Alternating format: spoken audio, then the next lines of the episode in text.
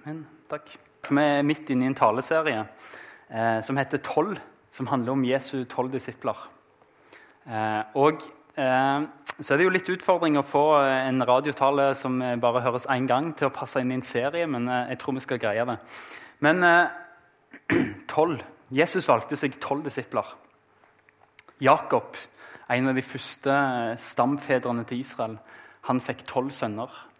Og De tolv sønnene de ble til tolv stammer i ett folk som het Israel, som var Guds folk. Og så var det sånn at eh, de valgte vekk Gud. De valgte å gå sine egne veier.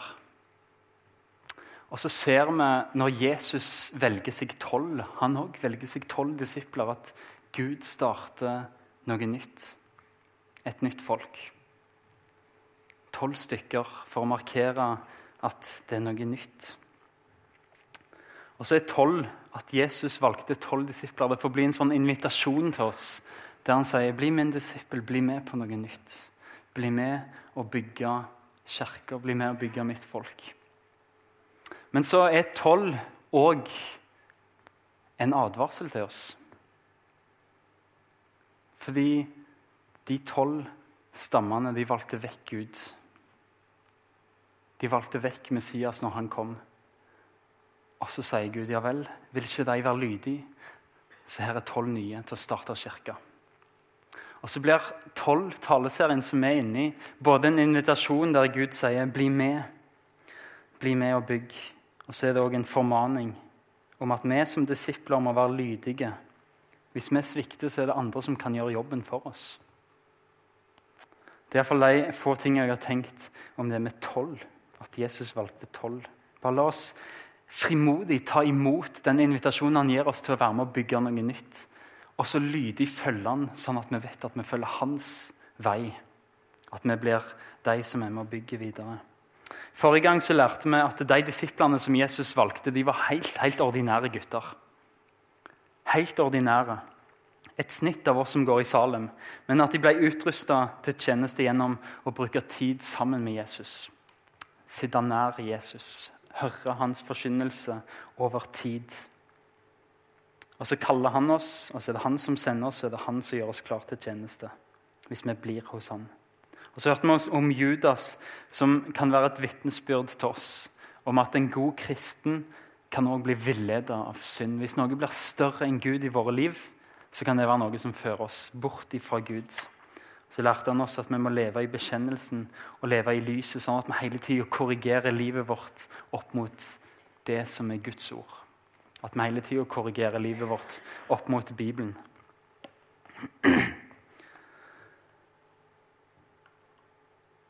Og Nå skal vi i kveld høre om Johannes, den disippelen Jesus hadde kjær.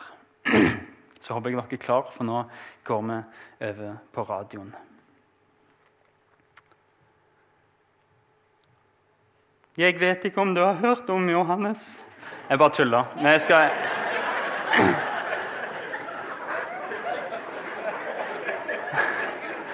Men uh...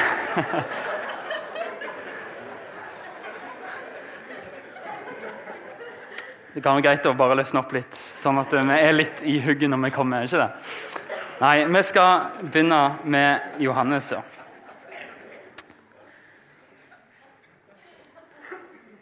Hva hadde du skrevet om deg sjøl hvis du skulle skrive deg inn i historien om Jesus?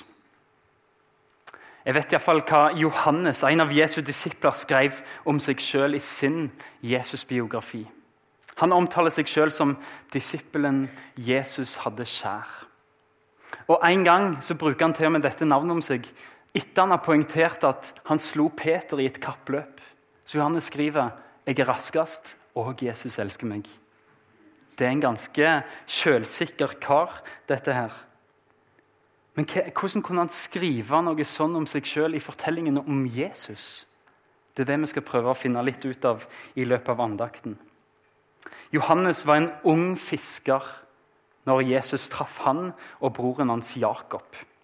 Og Sammen med Peter så blir snart dette brødreparet de tre nærmeste vennene til Jesus. De som får være med på alt det Jesus gjør.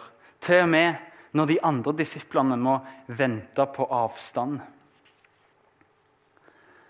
Jeg har av og til lurt på hva i all verden Jesus tenkte på når han valgte Johannes som en av sine nærmeste. Jeg vet ikke om jeg hadde gjort det samme valget, for det kan nemlig virke som om Johannes hadde et medfødt temperament, og at han var litt egoistisk.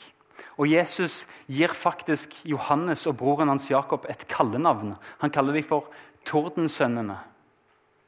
Og Det har ingenting med fordøyelsesproblemer å gjøre, men at de kunne hisse seg opp, og at de var hovmodige.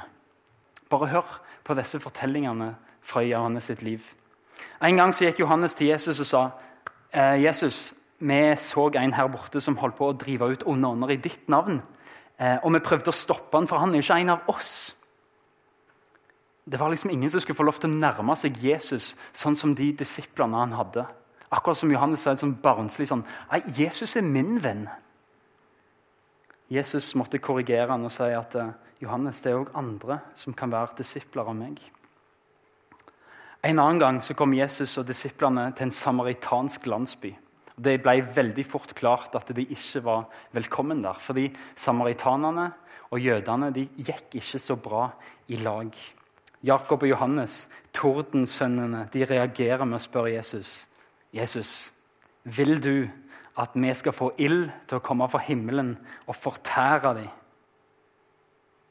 For et brødrepar. Jesus fikk heldigvis roa dem ned. Han var kommet for å frelse, ikke for å ødelegge. En gang gikk Jakob og Johannes så langt at de spurte Jesus om de kunne få lov til å sitte på hver sin side av han i himmelens rike. De ville ha maktposisjoner i himmelen. Er ikke det ganske egoistisk? Jesus svarer dem den som vil lede, han må være en tjener og en slave, sånn som jeg sjøl skal gi mitt liv som en løsepenge for mange. Er Johannes en arrogant og hovmodig og egoistisk ung kar. Ok, Det er kanskje det verste vi har sett av Johannes sitt liv til nå. Vi har kanskje plukka ut det verste, men det er likevel nok til å lure på om, om Jesus egentlig gjorde et veldig klokt valg med å velge Johannes som en av tre bestevenner. Men Jesus er annerledes enn oss. Jesus elsker ikke på grunn av, Jesus elsker på tross av. Han elsker Johannes på tross av hans synd og hans arroganse. Og han elsker deg på tross av hovmodighet, på tross av egoisme, på tross av annen synd. Jesus elsker oss sånn som vi er, men han elsker oss faktisk for høyt til at vi kan fortsette å være sånn. Han ønsker å forandre oss til å bli mer, mer lik Jesus sjøl. Sånn vi skal se at han gjør med Johannes. For fra å være denne tordensønnen som Johannes var, så ser vi at Johannes forandres. I dag kaller vi ikke lenger Johannes for en tordensønn. Vi kaller han for kjærlighetens apostel en varm og en kjærlig veileder som gir oss milde formaninger om å tro og om å leve etter Guds bud. Forandringen i Johannes blir veldig tydelig når vi leser videre i Bibelen. Før var Johannes opptatt av å få en maktposisjon i Jesu rike. Og nå kan vi lese i apostelgjerningene. Nå gleder Johannes seg over at han blir piska og mishandla fordi han forkynner at Jesus er den eneste veien til himmelen. Før ville Johannes brenne ned samaritanske byer. Nå, forteller Lukas, reiser han gledelig til Samaria for å be om at de som tok imot Jesus der, skulle få Den hellige ånd.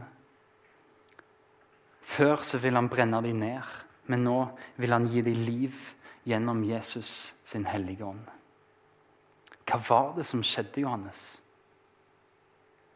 Hvordan forandra du deg så radikalt? Jo, Johannes brukte tid med Jesus dag og natt. Han snakka fortrolig med Jesus. Han fikk se Jesu makt i helbredelser. Han fikk høre Jesus sin forkynnelse. Han fikk se Jesus liggende på kne og svette blod i frykt for døden han skulle møte. Han så Jesus bli uskyldig dømt. Han fikk stå med korset og se Jesus sitt blod renne og så fikk han høre en forslått og torturert Guds sønn be Gud om å tilgi sine bødler. Og så fikk han høre Guds lam rope ut 'Det er fullbrakt'. Og da visste Jesus, da visste Johannes at Jesus døde for hans synd. Tre dager etterpå så fikk Johannes se ei tom grav. Han fikk se en levende Jesus stå midt iblant disiplene. Han ble fylt av Guds hellige ånd, og han fikk oppleve et fellesskap som holdt trofast sammen om bønnen og om forkynnelsen av Bibelen. Hva skjedde med Johannes? Jo, han ble kjent med Jesus. Johannes ble tilgitt. Han forsto at Jesus elsket han på tross av alt det han var, og alt det han gjorde. Og Han forsto at Jesus døde for Johannes sin skyld, sånn at han kunne få evig liv. Og det endra alt. For en forvandling. Fra tordensønn til kjærlighetens apostel. Og Johannes er aldri i tvil om hvem som skal ha æren for det. Han er aldri i tvil om hvem som lærte han å elske.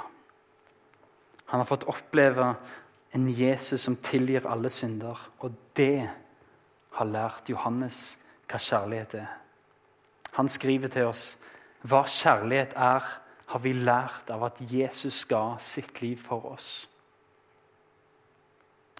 Og Ved dette ble Guds kjærlighet åpenbart blant oss. At Gud sendte sin enbårne sønn til verden for at vi skulle leve ved ham. Ja, dette er kjærligheten. Ikke at vi har elsket Gud, men at han har elsket oss og sendt sin sønn til soning for våre synder. Folkens, vi omgir oss med medier som sier at kjærlighet det er en følelse du kan ha, bruke og kaste. Men Guds kjærlighet Guds ekte kjærlighet er dyrebar. For Jesus kosta kjærligheten han sitt eget liv. Og kjærligheten kosta fordi ekte kjærlighet ikke kan gjemme bort sannheten. Ekte kjærlighet kan ikke feie sannheten under teppet.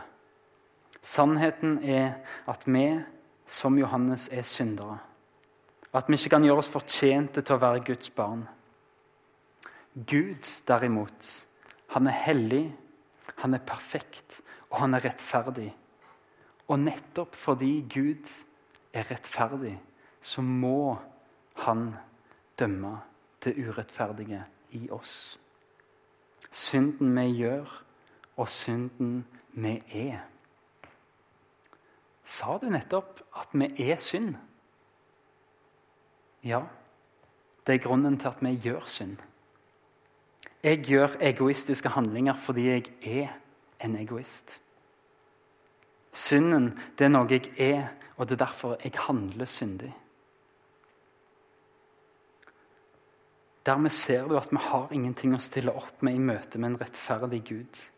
Hvis vi rister av oss alle våre dårlige, syndige uvaner, så er vi fortsatt urettferdige av natur. Av naturens av naturen vredens barn, skriver Bibelen. Og så er det en rettferdig Guds natur å la lovbrudd få sin straff, fordi han er rettferdig. Syndens lønn er døden, forklarer Bibelen. Men Jesus presenterer historiens største menn. Men nåden og kjærligheten er at Jesus sjøl tar vår straff for at vi skal gå fri. Kjærligheten kosta Jesus livet fordi han måtte ta et oppgjør med vår synd som skilte oss fra han.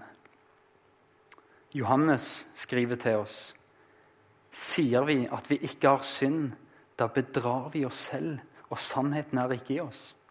Men dersom vi bekjenner våre synder, er Han trofast og rettferdig, så Han tilgir oss syndene og renser oss for all urett.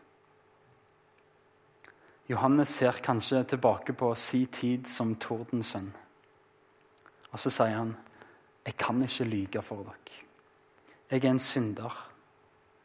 Men så sier han og sånn er det med dere òg. Det er sannheten. Det holder Johannes, og det holder hele Bibelen urokkelig fast på. Og syndens lønn er døden, evig fortapelse. Jesus kjenner òg denne sannheten om deg, at du er en synder. Men han elsker deg òg så høyt at han ikke kunne la være å gi deg en vei ut av fortaptheten. Jesus sier sjøl, for på denne måten har Gud elska verden. At han ga sin sønn den enbårne for at hver den som tror på han ikke skal gå fortapt, men ha evig liv. Guds kjærlighet til deg, den kosta han sin sønn. Jesus måtte dø på korset for at du skulle slippe en evig død som konsekvens av din synd. Men du kan gå glipp av denne redningen. Det må nemlig tas imot ved tro.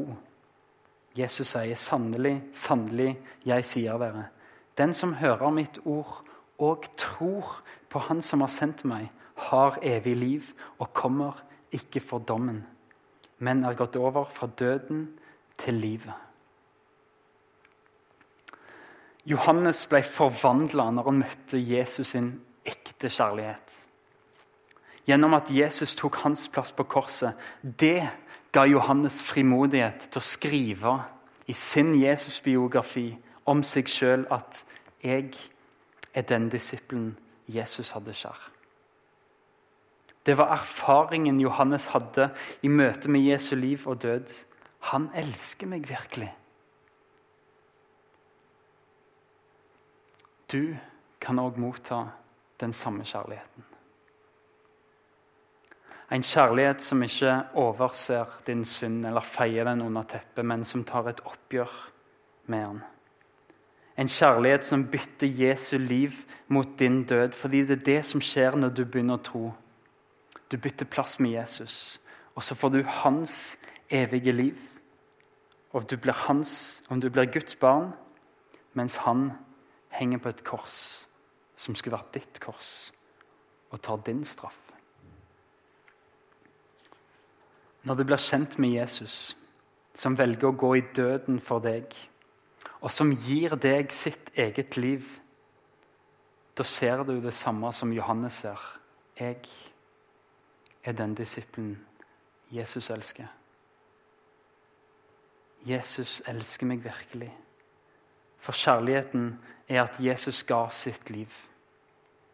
Ikke bare for Johannes, men for deg. For at du skal få evig liv. Og så er spørsmålet om du vil ta imot den gaven. Men alle de som tok imot ham, dem ga man rett til å bli Guds barn, de som tror på hans navn. Og på samme måte som Johannes, som var en tordensønn og ikke så veldig prektig når han traff Jesus, sånn kan det òg være for deg. Du trenger ikke være prektig. Du trenger ikke være perfekt. Men Jesus vil forandre deg hvis du tar imot. Og så sier Jesus alle de som far gir meg, og den som kommer til meg, vil jeg aldri støte bort. Invitasjonen er gitt. Jesus venter på deg med sin tilgivelse. Vil du tro på han, og vil du følge han inn i det evige liv?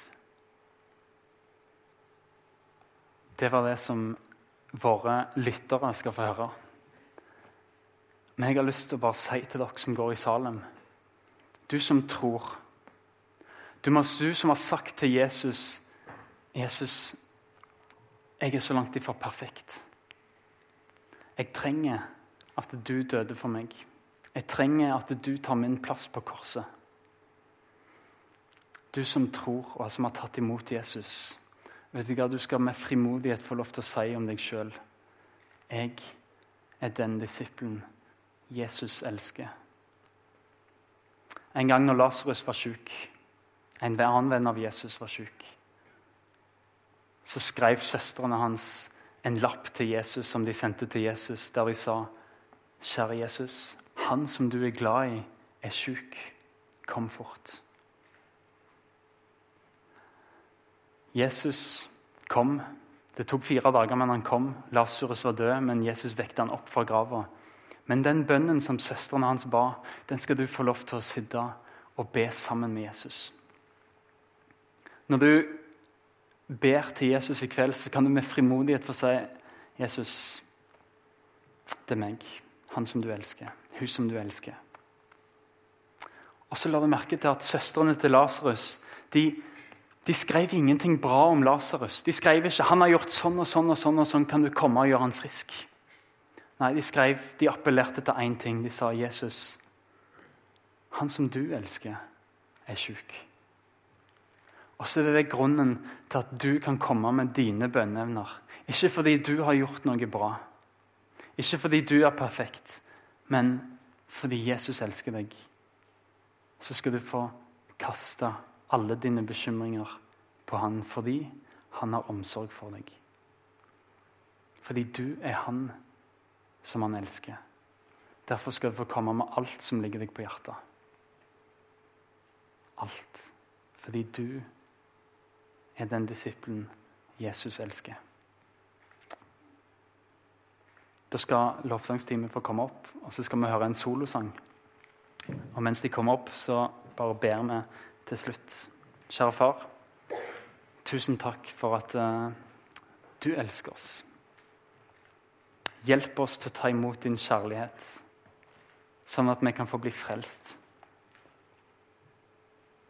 Herre far, takk for muligheten du har gitt oss med å spre ditt budskap ut til lyttere i hele Norge.